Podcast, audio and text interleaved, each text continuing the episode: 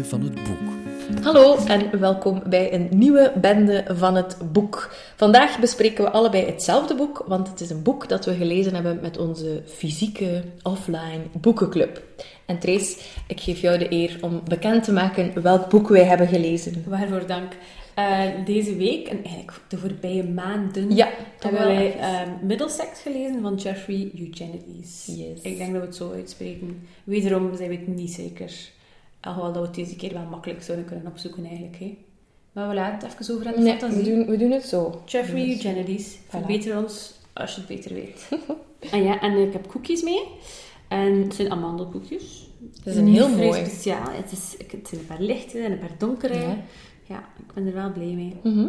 En we denken ook thee. Jawel. Maar nee. Jawel. Eh, en deze keer is het thee van Clipper. En het is Chai Organic Green Tea. Mm, het is lekker.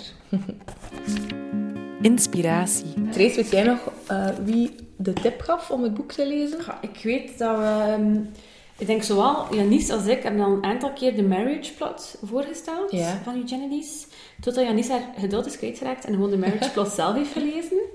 Eh, en daarom hebben we nu Middlesex gelezen. Denk ik. Oké, ik was het een beetje vergeten. Ja. Maar Want ik heb zelf al ehm The Virgin Suicides gelezen Mhm. Eugenides. En dat vond ik wel echt mooi. Vandaar dat nog een keer... Ik kan niet missen. Hè. Korte inhoud.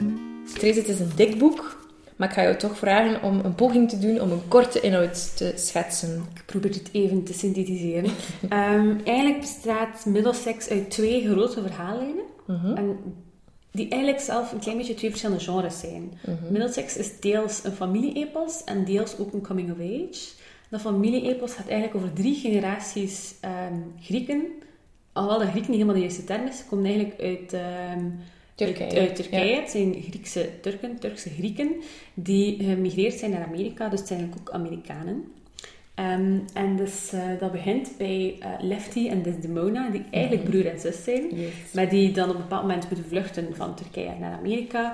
Onderweg ontdekken van, tja, tja, dat is hier toch wel meer dan broer- en zusrelatie. En dan trouwen op een boot, niemand weet wie dat ze zijn. En dan komen ze aan in Amerika als man en vrouw. Dan krijgen ze daar kinderen en zo. En dan ehm, ehm, gaat het ook een klein beetje over een, gebe- allee, een wedervaren eigenlijk in Amerika. Ja. Hoe vergaat het dan daar? Hoe Mhm. ja, overleven ze? Wat doen ze allemaal? En, dat gaat En ook hoe dat de Amerikaanse samenleving omgaat met Ja. migranten, leer je veel over. ook al, er komen ook een aantal belangrijke historische gebeurtenissen naar voren.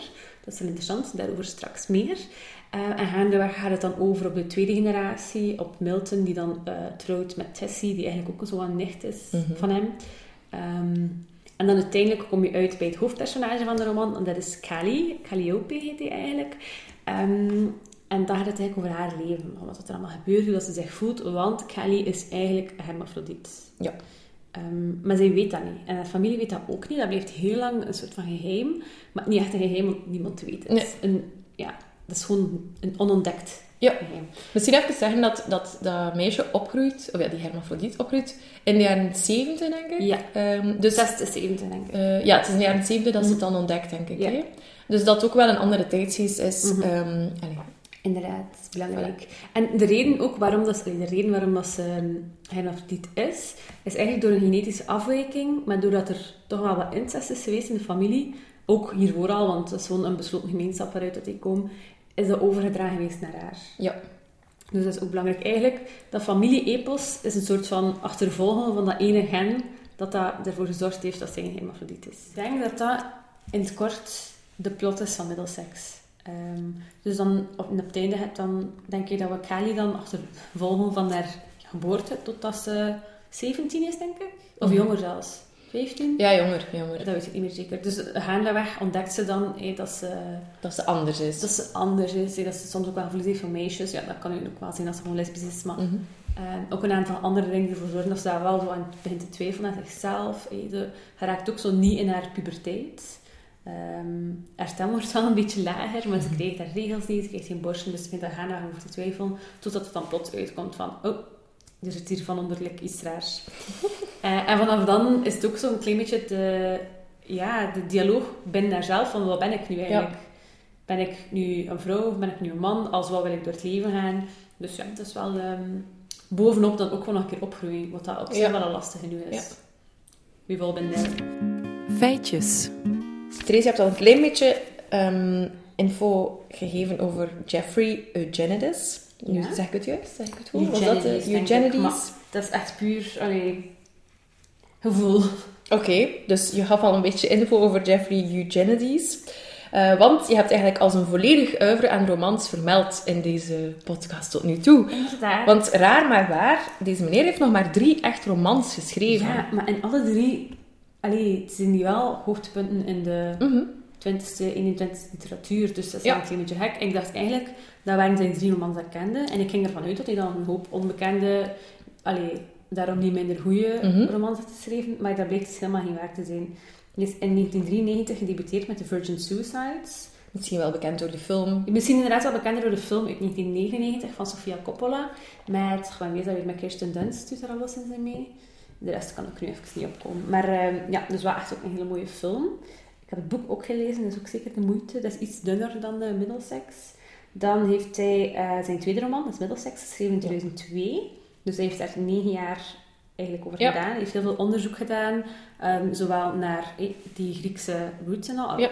Hij heeft zelf ook, eh, heeft, zijn, eh, Papa, denk ik. ja, alleen zijn vader wel. Ja. En de roman zijn het alle twee de ouders. Ja. Ehm, dus dat heeft hij gedaan. Eh, dan ook heel veel onderzoek gedaan naar die genetische afwijking, naar Mhm. hermafrodiet, hoe zit dat er allemaal mee? Eh, wat zit er daarop of aan? Ja, want En- interessant misschien, in onze boekenclub is er iemand die studeert voor, of die geneeskunde studeert. En zij kon wel bevestigen dat de, de, de meeste info, de meeste Ja. medische info die je meekrijgt in het boek wel ongeveer kloppen. Dus het is niet zomaar neergepend door Jeffrey. Ja, ze heeft ons dan ook een paar prentjes getoond. Ja. Dat is minder tof. Ja. Eh, en dan in 2011 is The Marriage Plot verschenen. Ja. Eh, die heb ik nog niet gelezen, maar die staan nog op mijn lijstje. Mhm. Nu, het is wel niet enkel een schrijver. Hij geeft ook les. Hij heeft, Mhm. eh, is- hij heeft creatief schrijven wel, dus ja, uiteraard met literatuur te maken. En hij heeft ook veel kortverhalen En geschreven ook enzovoort. maar toch, het viel mij ook op dat Ja. er maar drie romans Ja, waren. wel speciaal. Voor Middlesex heeft hij de Pulitzer Prize for Fiction gewonnen. Dus dat is wel nog ehm, een belangrijke prijs. Mhm. Hij is net als het hoofdpersonage van de roman geboren in Detroit in 1960. En net als zijn hoofdpersonage is hij dan ook nog eh, in Berlijn gewerkt, een aantal jaar. Ah, dat wist ik niet. Ja, oké. Eh, wat, dat, wat dat mij opviel, is dat... Ik heb ergens gelezen dat hij al... Dat hij zo vroeg wist dat hij schrijver wou worden. Ja. En dan dacht ik... Kelly heeft eigenlijk ook wel een beetje... Dat ze zo... Als ze begint- moet schrijven van die psycholoog... Ja. Dat ze wel zoiets heeft van... Ah, misschien is dat wel iets wat Mhm. ik mee verder wil. En dan merk je ook dat ze begint haar eh, verhaal neer te schrijven. Dus Ja. ik dacht, is dat misschien ook een kleine verwijzing naar wat dat hij zelf wel. is. Ik had ook gelezen ehm, op zijn Wikipedia-pagina, waar dat toch wel de meeste informatie te vinden is, ehm, dat hij, ehm, net omdat hij, zelf geen hermafrodiet, eh, zo autobiografisch is hij ook niet, eh, net omdat hij zich daar al zo ver moest hij verplaatsen en zoveel zijn fantasie gebruiken, heeft hij bepaalde elementen uit zijn eigen leven genomen, om dan nog iets meer allee, te grounden, allee, zo heet dat dan in het Engels, om zo echter te maken van zichzelf. Dus is Kelly bijvoorbeeld in hetzelfde jaar geboren in Detroit en eh, een aantal dingen zijn dan hetzelfde. Ik, die Griekse Ah, ja. roots, want dat is iets dat hij wel kent. Ja. Om het op die manier echt voor zichzelf realistischer te Ja. maken. Heeft hij iets onbekends en dan die kleine details komen dan vaak terug uit zijn eigen leven. Ah, oké. Dat is wel leuk. Ja, want als je ook een foto van hem ziet, dan ziet hij er ook wel zo... Het is echt het beeld dat ik had van Milton. Van de papa van Kelly. Ik heb nog niet gekeken naar de foto's Ah, ja. eigenlijk. Oké. Ik zal doen. alles bekijken op de Dus waar mijn excuses slecht voorbereid. Was dat ook zo in, in Virgin Suicides? Dat er ook dingen terugkwamen? Ehm, ja, ik las net dat ehm dus Eugenides is zelf in Detroit eh, gewoond. ja? En is dan, eh, zijn ouders zijn dan verhuisd naar Cross Point of zo, Ja, waar ja. Kelly ook woont. En ik denk dat ehm de Virgin Suicides daar ook afspeelt. Oké. Ook in die buurt waar hij zelf Ah, ja, is opgegroeid. Dus hij stikt wel degelijk zo Ja. hintjes aan zijn eigen leven in zijn Mhm. werk. Oké. Ehm, ik heb ook gelezen dat hij wel degelijk zou bezig zijn aan een vierde roman. Ja, maar als ik even afga op de negen jaar die iedere keer tussen zijn romans zitten, dan zou ik zeggen dat hij er zou moeten zijn in... Ah ja, 2020, dus hij is Ah ja. lang meer, hè. Dus hij is, het kan wel dat hij effectief kan bezig is. ja. Oké. Dieper graven. Trace, terwijl jij met je mond vol amandelkoekje zit, ga ik misschien al even beginnen met dieper in te gaan op het verhaal. Eh, je zei al dat er inderdaad twee verhaallijnen zijn. Dus je hebt een, eh, het, ik denk toch wel echt een groot deel van het boek wordt echt eerst verteld vanuit Desdemona. Eh dus ehm, de oma, haar kant. Ehm, en dan ja, heb je echt het gevoel dat je een familiegeschiedenis leest. Je, je vertrekt samen met hen in de Grieks-Turkse oorlog. Je wordt... eh, dat vond ik ook wel interessant, want dan leer je daar eens over bij. Ja, daar En- weet je eigenlijk niet zo Nee, heel veel nee. over. hè. Dat is de, die van plaats net na de Eerste Wereldoorlog. Ja, Dus ja.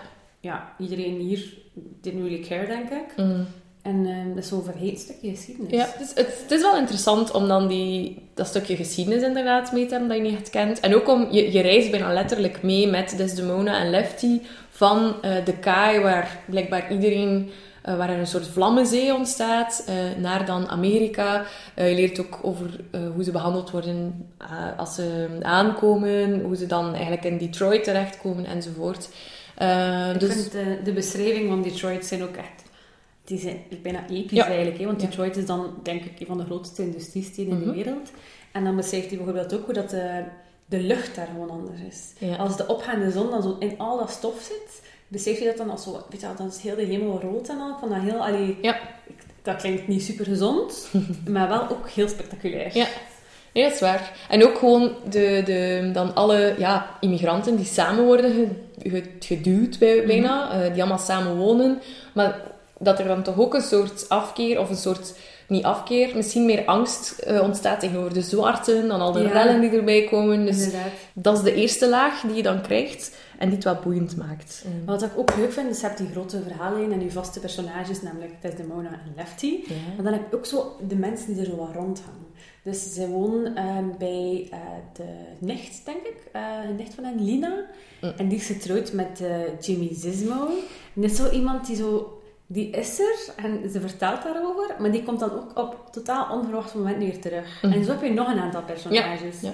Die doen van die dingen. Het zijn meestal van die personages dat je denkt van, allee, ja, een beetje hier? figuur. Wat doe je Ja, hier ja, ja, eigenlijk in dit verhaal? En dan plotseling, onverwachts, heb je dan toch zo een, ja, een levensbepaalde rol. En dat vind ik zo fascinerend. Omdat je zo... Je hebt zo niet altijd door wat dat hun kwaliteiten in het verhaal gaan zijn. En dan word je daar plots door verrast. Mhm. En op die manier vind ik die roman ook wel grappig. Ja. Het is... Ja, het is soms is het echt tragisch. En denk je van, oh nee, ja, dat is like echt... Weet wel, dat is echt erg. Mhm. Maar soms is het ook gewoon grappig. Zowel in de details als in dingen die gebeuren. Ja. ja, humor is misschien, denk ik, ook iets typisch voor Griekse immigranten. Ik weet het niet. Ik heb zo'n beeld van zo... eh, als je allee, door dit boek te lezen, hè, dat, dat, eh, dat dat allemaal zo gezapig is. Die families komen ook heel vaak bij elkaar. Die kennen ook elkaar. Die steunen ook elkaar. Dus het, het lijkt wel een, een, een jolige bende. Allee, je ziet ze zo bij, allee, in mijn hoofd zo allemaal samen in een niet te groot huis. Want in het begin wonen ze allemaal met vier in een appartement dat iedereen ook eten meebrengt en drinken. En dan kijken ze naar tv en bespreken ze het nieuws. Dus dat past misschien ook gewoon binnen die... eh, Ja, dat gaat ook bijvoorbeeld als het gaat over de... Dus dan heb je de ouders van, van Kali. Op een bepaald moment beslissen die van, is dat nou een zoon, dan ook nog graag een dochter hebben. En ehm, dan is er ook iets seks met een thermometer. En heel die verwekking verloopt eigenlijk ook wel zo. Ja. Zo, ja, zo grappig gewoon. Ja. Dat je zo denkt van, ja, het is niet het romantische verhaal van Nee. één grote liefde, bam, bam, er is daar een kind. Maar er komt hier van alles aan te pas. Maar dat wordt dus, ik vind het echt een vrij humoristisch Ja. moment waar dat gebeurt. ja. En ja, het is ook weer zo- zo'n familiemoment, zodat iedereen er is. Ook op, ze zijn er ook op het moment dat het niet uitkomt. ja, dat is ook. Wat dat ook typisch is voor familie natuurlijk. Ja, ja zeker. Ehm, ja, dus je hebt het, het verhaal eerst van Desdemona en Lefty. Dus die zijn Mhm. dus broer en zus. Eh, maar eerst proberen ze het allee, toch wel wat te negeren, bewust te negeren, hun gevoelens voor elkaar. Want als ze nog in Griekenland wonen, of ja, Turkije dan, dan, dan gaat Desdemona ook eerst op zoek naar een geschikte partner voor haar broer. Terwijl dat ze er eigenlijk ook wel al van droomt om zelf die partner te zijn. Dus dat, dat zegt ook wel weer veel van... Oké, dat zit wel... Het is ook heel grappig, Ja, die beschrijving. Want ze hebben zo één cata- catalogus in huis, van Ja. eigenlijk zo een, een lingerie-catalogus Ja. of zo. En ja, Lefty bekijkt die natuurlijk eh, uit ehm, natuurlijke curiositeit. en dan bekijkt... ehm eh Desdemona bekijkt hij ook net om de vrouwen, die ze wil voorstellen naar de broer, zo wat eh, juist, eh, juist op plaatje te krijgen. Ja. Maar dat pakt like net helemaal anders uit. Want eh Lefty herkent die poses dat ze aanneemt en Ja. zo alles wat erbij hoort. En denkt van ja, maar ja, het is toch net niet hetzelfde like in de boekjes. Ja, en dan verwijst hij ook effectief zo van, ja, eh, ik weet de naam niet meer zo goed, persoon X, Is doet pagina. Ja, is van- pagina 22. Ja, ja. dat is inderdaad grappig. Mhm. Oké. Ehm, ja, de, de oma, dus Desdemona, die, die blijft eigenlijk het hele verhaal wel aanwezig. Ja. Soms meer en soms minder. Ja, ja. En wat dat misschien ook wel belangrijk is voor het verhaal, dus de Mona uh, voorspelt altijd het geslacht van de, alle kinderen die geboren worden. Dus Ja. iets raars. Het is Met een met lepel. een lepel of Ja. zo die ergens aanhangt. En dan houdt ze die over de buik van de moeder. En dan, eh, wat dat er gebeurt met die lepel, dan ziet ze dat die jongetje of een meisje gaat zijn. Ja. En toen dat Tessie, dus de moeder, zwanger was van Kelly, had ze dat ook gedaan. En dan zei ze, ja, het gaat een jongetje zijn. Het gaat weer een jongetje zijn. Het al een jongetje. Ik weet dat je meisje wil, maar het gaat een jongetje zijn. En dan wordt Kelly geboren. Dus iedereen, ah, kijk, dit is de Mona, had ongelijk. Mhm. Ze gebruikt haar lepel daarna nooit meer, omdat ze zo wel wat hè, Ja. op, haar, eh, op haar tenen getrapt is, denk ik. Maar uiteindelijk heeft ze dat Ja. wel gelijk met haar lepel. Ja. En Desdemona is ook zo een typische Griekse oma. Ze, is ook, ze wordt beschreven als een beetje dikker. En zij gaat ook niet gaan werken, maar kookt de hele dag. En dan haar man die zo, ja, er toch wel voor moet knokken om, om in het begin aan de bak te geraken. Die dan ook zo wel wat loesje dingen doet. Zo wat de, ik dacht alcohol, Ja, Smokkel. Ja, inderdaad. Ehm, dus tijdens de, de drooglegging. drooglegging. Ja. Ehm, dus opnieuw, ja, je, je leert ook wel veel hoe dat is om daar zo eh, ja, te proberen je nieuw leven te starten, maar dat dat eigenlijk wel niet zo gemakkelijk is. En dan moet dus de Mona eigenlijk ook gaan werken, omdat het gewoon financieel niet, zo, niet, niet haalbaar is om het niet te doen. Ehm, en dan is er inderdaad die figuur van Jimmy Zismo daar Ja. ook, eh, die een heel spe- Ja, speciaal... een heel aparte Ja. rol heeft, inderdaad. Want het is, voordat ze vertrokken uit Turkije, waren, ehm kweekte deze Mona um, zijdeworm, zijderupsen eigenlijk. En dan probeert ze dat in Amerika ook nog te doen. Ja. Het is ook zo schattig als ze daar zo aankomt, dat ze denkt van, ja, ze gaan daar ook wel bomen hebben, we gaan daar ook gewoon zijderupsen kweken. Dat iedereen daar zegt van, ja, nee, Mhm, het is daar toch een beetje anders. Ja, En dan worden daar zijderupsen ook afgenomen ja, aan de douane. ja. Wat ik wel begreep, maar het was toch ook triest. Gelukkig heeft ze haar box nog tot op het einde kunnen, Ja. Kunnen houden. En ze, ze blijft ook wel tot op het einde duidelijk een, een, iemand, allee, een, Griekse Turkse of een Turkse Griekse. Ze houdt ook die, die, hun gebruiken in stand. Lijkt mij ook wel logisch. Ehm, ook zo inderdaad het ritueel van die lepel. En ze is ook heel bijgelovig. Eh, want ze, ze weet dat ze door met haar broer samen te zijn eigenlijk iets doet dat niet mag. Ze heeft altijd het gevoel van, oei, ik ga, er gaat hier wraak genomen worden. En ze denkt dan dat, dat, er iets gaat gebeuren met haar kinderen, of dat daar een man iets gaat tegenkomen, of dat er iets met haar gaat gebeuren. Dus dat gevoel gaat echt wel, allee, is echt wel vrij dominant eh, door, door haar hele leven. Want ze, wordt wel relatief oud, maar allee, ik had toch het gevoel als lezer dat ze gewoon haar laatste tien jaar Uitzet. Ja. Ja. Terwijl dat ze echt nog zou kunnen genieten van haar leven, want ze is nog relatief gezond. Dus ehm, ja, dat, dat, dat vond ik ook mooi om te zien, dat die eerste generatie dan nog zo hard die, die roots mee heeft, terwijl dat Milton, haar zoon dan, eigenlijk niet eens meer goed Grieks kan spreken. Nee, dus Milton is echt een Amerikaan. Ja, Ja, en Tessie ook. Hè. Dat zijn echt... Ja. eh, maar ik vond wel een, een, een mooie weergave ook, hoe dat die... Hoe dat dan ook vanuit Milton en Tessie, dan hoor je wel dat ze wel ergens die Griekse waarden of die Griekse gewoontes ook wel hoog in het vaandel dragen, maar toch inderdaad duidelijk... eh, ik denk dat er zelfs ergens wordt gezegd dat duidelijk, het zijn gewoon republikeinen. Het zijn geen Grieken meer, het zijn geen Turken meer, het zijn gewoon republikeinen. Dus dan ehm, op een bepaald moment is Milton like, groot genoeg om even een verhaallijn op zich te nemen. Ja. En, en dan gaat hij al redelijk snel over het feit dat hij verliefd is op Tessie. Tessie is de dochter van Lina, de nicht van zowel Desdemona als Lefty.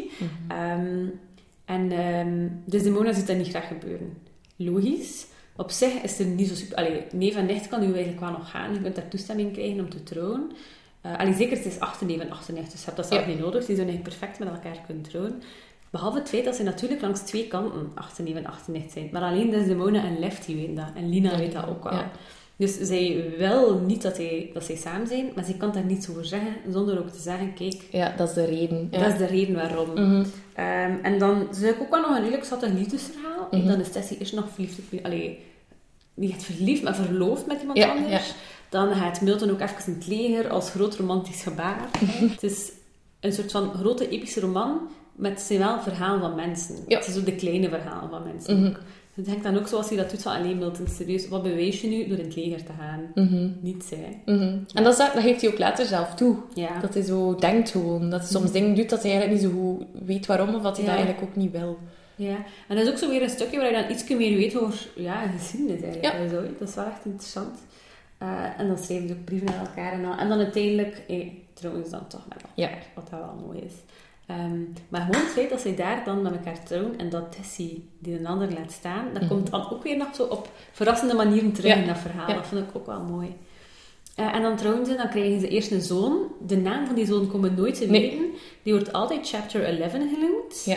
En dan een aantal jaar later, later ze Callie. Eh, Milton werkt echt wel veel en hij is ook wel creatief. Hij neemt eerst zo de zaak over van zijn, eh, van zijn, ehm, eh, ja, van zijn papa. Hè. Die tegelijk ook zijn onkel is. Ja, inderdaad, maar dat weet hij niet. Hè. Nee. Ehm, maar allee, hij, hij wordt wel zo wat een, ja, Een ondernemer. een ondernemer, inderdaad. Ehm, en hij start dan ook een, een keten, dus hij, hij heeft wel gevoel voor, voor business. Hè. Eh, wat dat hem ook soms wel wat parten speelt, omdat hij dan duidelijk niet echt een, een emotionele, eh, sterke persoon is. Dus dat vind ik dan ook weer ja, goed- interessant om al... Het is nog maar de tweede generatie en die hebben al volledig die Amerikaanse eh, waarden eh, mee. Eh, ook zo leuke details, bijvoorbeeld dat hij dan een Cadillac eh, koopt en dan elk jaar, of wat is het? Ja, ieder jaar Eh, een nieuwe, nieuwe- nieuwe. Ehm, dus dat dat ook zo typisch die, eh, ook zo past bij het beeld dat je hebt van de perfecte Amerikaanse eh, ja, gezin, hè, met een, een dik motto eh, en een eigen, een self-made man. eh, dus zo die sfeer. eh, Misschien ook belangrijk van waar dat de titel eigenlijk komt. Ja. Middlesex is de straat waar ze dan wonen, denk ik. Of zelfs de plaats. Is niet de, of nee, de naam van het huis. Ik denk dat de naam is van het huis, want op een bepaald moment ehm, hebben ze plots veel geld door een gebeurtenis. Ik zal het gewoon, allee, moet toch soms een klein beetje spannend houden. Nee? Dus hebben ze eh, veel geld en daarmee start hij dan ook zijn keten op. En daarmee koopt hij ook echt een huis. Het probleem is, en daar komt zo dat sluimerende racisme weer boven, dat eh, de makelaars willen hem niet al de huizen tonen. Want in principe, ja, heeft genoeg geld, je kan hem dat geld leggen en dat kopen. Maar niet iedereen wil verkopen aan een Griekse immigrant, ook al is hij eigenlijk in Amerika geboren. En Middlesex is een beetje een speciaal huis. Mhm. Het is het is, ja, je maakt er een, architect met zijn eigen ideeën. En Ja. Het is van die rare trapjes die dan nergens naartoe leiden. En Ja, is, ik ja. zie zoiets half futuristisch Ja, voor mij. ik ook voor ja. mij. Dus ik vermoed dat dat wel ergens zo gaat beschreven. Ook zo intercoms die dan uitkomen op rare plaatsen. En dat is eigenlijk wel echt super leuk hoe dat hij dat beschrijft. En eh, uiteindelijk gaan ze daar gaan wonen. En dat is Middlesex. Ja. Dus dat is, op die manier komt dat ook altijd in die roman. Dus je hebt ook wel die, ja, die, die, die Middlesex, dat effectief gaat over zit tussen twee Mhm, seksen in. mhm. Je hebt ook de plaats Ja. die zo heet. Ja. Dat vond ik wel leuk. Ja, ik ook. Dus ja, Milton en Tessie zijn, zijn, zijn harde werkers, maar het zijn ook wel allee, lieve ouders, vind ik. Ze, hebben, ze zijn heel bezorgd, eh, want eh, chapter 11 is... Ik moest vaak aan That 70 Show denken. Is iemand die eerst begint met studeren, maar die dan... ehm, Die gaat in huur worden en groot plan voor de Voilà. Eh, maar dan ontdekt hij wereldvrede of zo. Gaat hij ook zo wat in... En wiet. Ik denk dat En wiet. Eh, Hij heeft dan ook een liefje dat heel zweverig is, dus hij stopt dan uiteindelijk zijn studies. Die gaat dan Eh, in, denk ik, in een combine gaan wonen. Ja, of zo. met dat meisje. echt, Ja, eh, ja, ja. dus het is zo... Dat is wel grappig. Dan is er ook even minder contact met thuis. Ehm, dus het is zo, ja... Ik vond opnieuw wereldgeschiedenis dat je eigenlijk mee hebt, dankzij eh, dat fragment. Maar ook naar Kelly toe zijn ze heel zorgzaam, maar ook zo gereserveerd. Bijvoorbeeld over dat fysieke Ja. ehm, komt er ook ergens in voor dat ze al ja, elkaar super lang niet meer in, in een bootje hebben gezien. Of dat ook zo gewoon het, het, het gesprek van als je regels hebt, dan in een tampon of, of maandverband, dat is iets dat niet gebeurt. Zo wel heel afstandelijk. Dus ze, Ja. ze, ze weten eigenlijk niet echt wat dat de diepste gedachten zijn van elkaar. Nee. Maar Kelly wel een beetje van haar ouders, omdat ze slaapt naast de slaapkamer van haar ouders. En ze kan, ehm allee, als ze een gesprek voeren in een bed, eigenlijk het wel goed verstaan. En dat komt ook een paar keer terug eh, in het boek. En soms op cruciale momenten eh, heeft dat wel een grote impact. Maar Kelly groeit eigenlijk wel vrij gelukkig op. Mhm. Het is duidelijk een, een allee, toch wel een tof kind. Ook wel een, een durvertje. Mhm. Ehm, en dan zie je ook dat ze zo heel bewust wordt opgevoed als het meisje. Ja, dat is ook is heel... waar. Ja, En dat komt wel nog af en toe terug van... Bijvoorbeeld, eh, een keer dat uitkomt dat, dat Kelly ja, zowel man als vrouw is, of misschien Mhm. zelfs geen een van de twee, maar gaat ze dan naar de dokter. En dan probeert hij ook wel uit te lessen van hey, hoeveel is er nu eigenlijk nature en hoeveel is er nurture. Ja. En dat is een vraag die je wel echt kunt stellen, want Kelly is helemaal opgevoed als vrouw. Ja, als meisje toch? Eh, zeker in die tijd was dat misschien nog veel stereotyper dan nu. Ehm, maar toch bij bepaalde dingen reageert ze dan wel als man. Of, mhm. weet dat. En dat, is, dat die dokter dan bijvoorbeeld observeert wat dat ze allemaal doet, vond ik dat wel interessant om te Ja. zien. Dat gaat echt over de manier waarop dat ze zich uitspreekt over bepaalde Ja, dingen. haar heeft, houding. Ja, houding en zo. En dan probeert hij zo te determineren van wat is wat. Ja, Vond ik wel interessant. ja, inderdaad. zegt bijvoorbeeld ook dat in haar manier van praten, dat ze heel beleefd is en heel afwachtend is, dat ze daar zo meer vrouwelijk op staat. Eh, dat vond ik wel interessant om te lezen. Want dat is ook wel waar. Allee, vrouwen Mhm. hebben gewoon een andere manier van eh, in gesprek te gaan. Hè. Mhm. Maar ja, is dat dan biologisch? Wel, of is dat, eh, opvoeding? Ja, Ja. dat is Ja. Zeker de vraag. Ik Mhm. denk dat het aangeleerd is. Mhm. En dan moest ze uiteindelijk zelf ook de keuze maken van... Ja, ben ik nu een man, ben ik nu een vrouw, of wil ik gewoon als hermafrodiet verder gaan? Ehm, en dan volg je ook nog een beetje die zoektocht en het moment waarop dat ze dan een beslissing maakt. Want je weet eigenlijk al heel snel in het boek wat dat ze beslist heeft. En je wordt eigenlijk alles verteld vanuit Kelly nu, die... Mhm. ehm, ja, ik denk 30 jaar is of Ja, zo. Ehm, en die in Berlijn woont. Dat weten we al. Ehm, en dat vond ik ook wel leuk. Dat je toch wel al weet van in het begin... Ah, het is zo. Dus dat echt wel gaat dan over het, het het verhaal en ernaartoe. het gaat zo'n beetje Ja. over de naartoe. Voilà. Want eigenlijk, het moment dat, dat iedereen weet... Ah, eh, Calliope is een hermafrodiet... Is eigenlijk heel- vrij hard op het einde van het boek. Mhm. Wat, dat, wat dat ik super interessant vond. Want evengoed kon, kon eh, dit boek een verhaal zijn van iemand die weet... Ik ben een hermafrodiet. En wat dat er allemaal dan door die persoon gaat. Of, of Mhm. ehm, wat dat hij daarmee doet. Of wat dat hij kiest. En dan dat dat verhaal is. Maar dit is omgekeerd. Dus het is, ehm, de opbouw van die familie... Heel die context maakt het zoveel sterker. Mhm. Dat je ook wel weet wat dat die achterban is. Wat dat er voorkomt. Onderstreept. Ik vond het een heel mooi boek en heel mooi geschreven en zo, maar ik heb eigenlijk like, maar één iets onderstreept. Ja. Dat is een beetje raar, hè? Ja. Eh, ik weet ook niet hoe dat komt. Misschien had ik geen stilo bij. Hetgeen dat ik onderstreept heb, is eigenlijk meer voor wat dat hij zegt dan voor hoe dat hij het zegt. Ik vind het leuk dat hij, ehm, terwijl hij vertelt, dat hij dat verhaal vertelt, dat hij ook al een keer vooruit of terugblikt. Ja. Ehm, dus hier zegt hij bijvoorbeeld op pagina 425 in onze editie.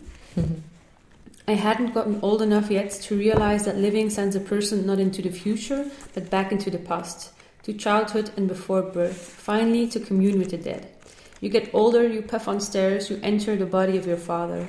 From there, it's only a quick jump to your grandparents, and then before you know it, you're time traveling. In this life, we grow backwards. It's always the grey haired tourists on Italian buses who can tell you something about the Etruscans. Mhm. En dat is ook wel die waar, passage. Ja, ja. En dat is ook gewoon, ja, het begint ook meer op de, uw oudere Tuurlijk. familieleden te trekken als Tuurlijk. je ouder wordt. Ja, ik heb toch een drietal dingen aangeduid. Maar ook zo meer omwille van de manier waarop dat hij het zei. Of een, eh, eh, want wat ik ook wel heel leuk vond, is dat hij ehm, vaak verwijst naar Griekse dingen. Naar Mhm. Griekse elementen. Bijvoorbeeld eentje eh, is dat hij verwijst naar ehm, het orakel van Delphi. Ehm, dus ik ga dat passage even voorlezen. Dus, um, when the oracle awoke after one of her wild prophesying nights, she probably had no memory of the things she'd said. Whatever truths she'd hit on were secondary to the immediate sensations the headache, the sink throat. It was the same for Calliope. I had a sense of having been dirtied and initiated. I felt all grown up, but mostly I felt sick and didn't want to think about what had happened at all. Dus dat is, ehm, er is zo één ehm, ja, wilde nacht dat ze met eh, die object en haar broer en nog een vriend eh, in een hut ergens ehm, ja, gebeurt naartoe gaan. Ze hebben wat pintjes mee en ze drinken dus duidelijk te veel. En ze is eigenlijk de eerste keer dronken in haar leven. Dus het gaat eigenlijk daarover. Maar ze vergelijkt dat dan met, met zo de priesteressen en de orakels die op ook een soort ja, bladeren zitten te komen. Of, die dan zo wat, ja, ehm, ja, hallucineren. Ja, inderdaad. Dus dat vond ik wel leuk dat hij dan zo zelfs zoiets vergelijkt met zo die, die Griekse eh, afkomst. Ehm, maar ook met, met andere... ehm, en er komt vaak literatuur in aan bod. Ze leest ook veel boeken. ehm, en dat vond ik ook wel leuk, dat je dan zo... passages zelfs die vergeleken worden met wat dat is. Bijvoorbeeld deze. Uh, Chekhov was right. If there's a gun on the wall, it's got to go off. In real life, however, you never know where the gun is hanging. The gun my father kept under his pillow never fired a shot. The rifle over the object's mantle never did either. But in the emergency room, things were different. There was no smoke, no gunpowder smell, absolutely no sound at all. Only the way the doctor and nurse reacted made it clear that my body had lived up to the narrative requirements. Dat vond ik ook, dat is dus eigenlijk het moment dat ze. Ja. eh, Ik vind het ook grappig dat hij verwees naar, naar Chekhovs pistool, omdat ik heb daar ook een paar keer mee aan denken aan die roman. Serieus? Net omdat je zo die personages hebt die schijnbaar onbelangrijk zijn en die dan toch plots een grote rol Ah. spelen. Want bij zo'n personage denk ik altijd van, ze, ze leek niet belangrijk, maar waarom is ze hier? En dan weet je dat je er nog iets van kunt verwachten. Oké, dus er is echt wel vrij over nagedacht. Ik denk dat wel. Oké, ja, cool. Je heeft nergens echt... Allee, het is een grotere man, er komt veel in voor, maar er zit denk ik niet echt iets in dat niet belangrijk wordt voor het verhaal. Ja. Ja, dat is waar. Allee, heb inderdaad niet het gevoel dat er dingen worden bijgesleurd. Nee. Eh, nee. Dan heb ik nog één iets dat ik misschien wil voorlezen. Dus er is dan iemand die zegt tegen Kelly... eh, There have been hermaphrodites around forever, Cal. Forever. Plato said that the original human being was a hermaphrodite. Did you know that? The original person was two halves, one male, one female. Then these got separated. That's why everybody's always searching for their other half, except for us. We've got both halves already. Vond ik super mooi. dat, dat, allee, als ze dan weet, ik ben een hermafrodiet, Mhm. uiteraard heeft ze daar, vindt ze dat niet zo evident. Maar dat is toch een mega mooi idee dat je, zo, eigenlijk alle twee, als je dan allee, als, als, als man of vrouw op zoek gaat naar je partner, hè, dat dat is om een, om een dubbeltje mee te vul- vormen. Ehm, en dan als hermafrodiet hoeft dat niet meer, wat zei het al. Dus vond ik, vond ik mooi gezegd. Mhm. En opnieuw weer die verwijzing naar het Grieks. hè. Inderdaad. Ja, dat was het eigenlijk. Ik vond het een, eh, nu niet vaak van, amai, is zo schoon geschreven, maar wel goed. En ook super vlot om te lezen. Want, het Eng allee, want allebei in het Engels gelezen. Ja. En echt wel oké. Ja, ik vind dat vlot leest, maar allee, als in alle afzonderlijke zinnen lezen vlot, maar toch Ja. lezen het traag. Ja, Misschien is dat omdat zo dik is, omdat er zoveel gebeurt of zo, maar ja. ik had het gevoel dat ik er wel traag doorging. Ik, Ik- heb ja. boeken gelezen van dezelfde dikte, dat ik veel sneller ben Ja. dan dit. ja, volgens mij is dat ook gewoon omdat er, er gebeurt veel in het boek, maar de eventjes op zich duren wel lang. Of worden wel Ja, dat is wel lang waar. beschreven. Ik denk dat het misschien daar daarom te doen heeft. En er is ook, ehm, er is ook gewoon niet zoveel witruimte. hè. Nee, het is waar. Het is een vrij grote bladspiegel. Ja. Dus het is ook, als je begint te lezen, moet je wel een aantal pagina's doorlezen voordat je zo Ja, een natuurlijke zeker. pauze hebt. Ja, ja, zeker, zeker. Ja. Vond ik ook. Maar voor de rest geen klacht. Finale oordeel. Dus, Trace, wat is jouw finaal oordeel? Dum, dum, dum.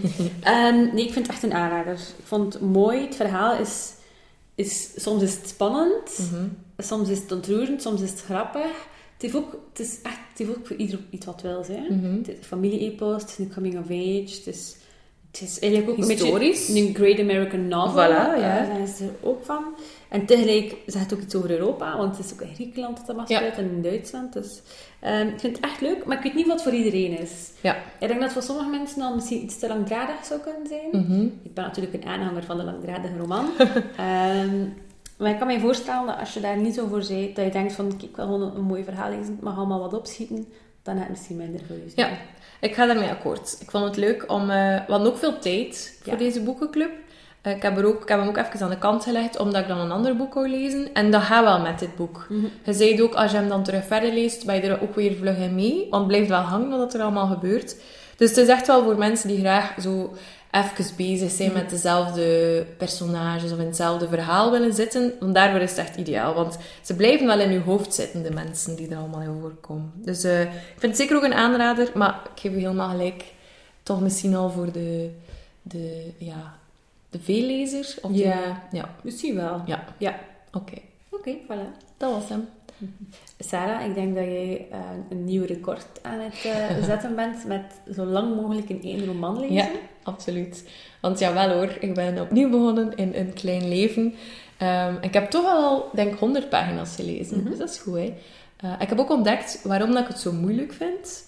Ehm, en dat is vooral door de, de pijnlijke beschrijvingen, zo de, omdat er, allee, er komt een personage voor die zo aan zelfkastijding doet. En het is echt wel heel gedetailleerd beschreven. En ik denk dat ik dat gewoon moeilijk vind om te lezen. Oké. Dus, ehm, maar ik ga het echt proberen. Al doe ik er nog twee jaar over.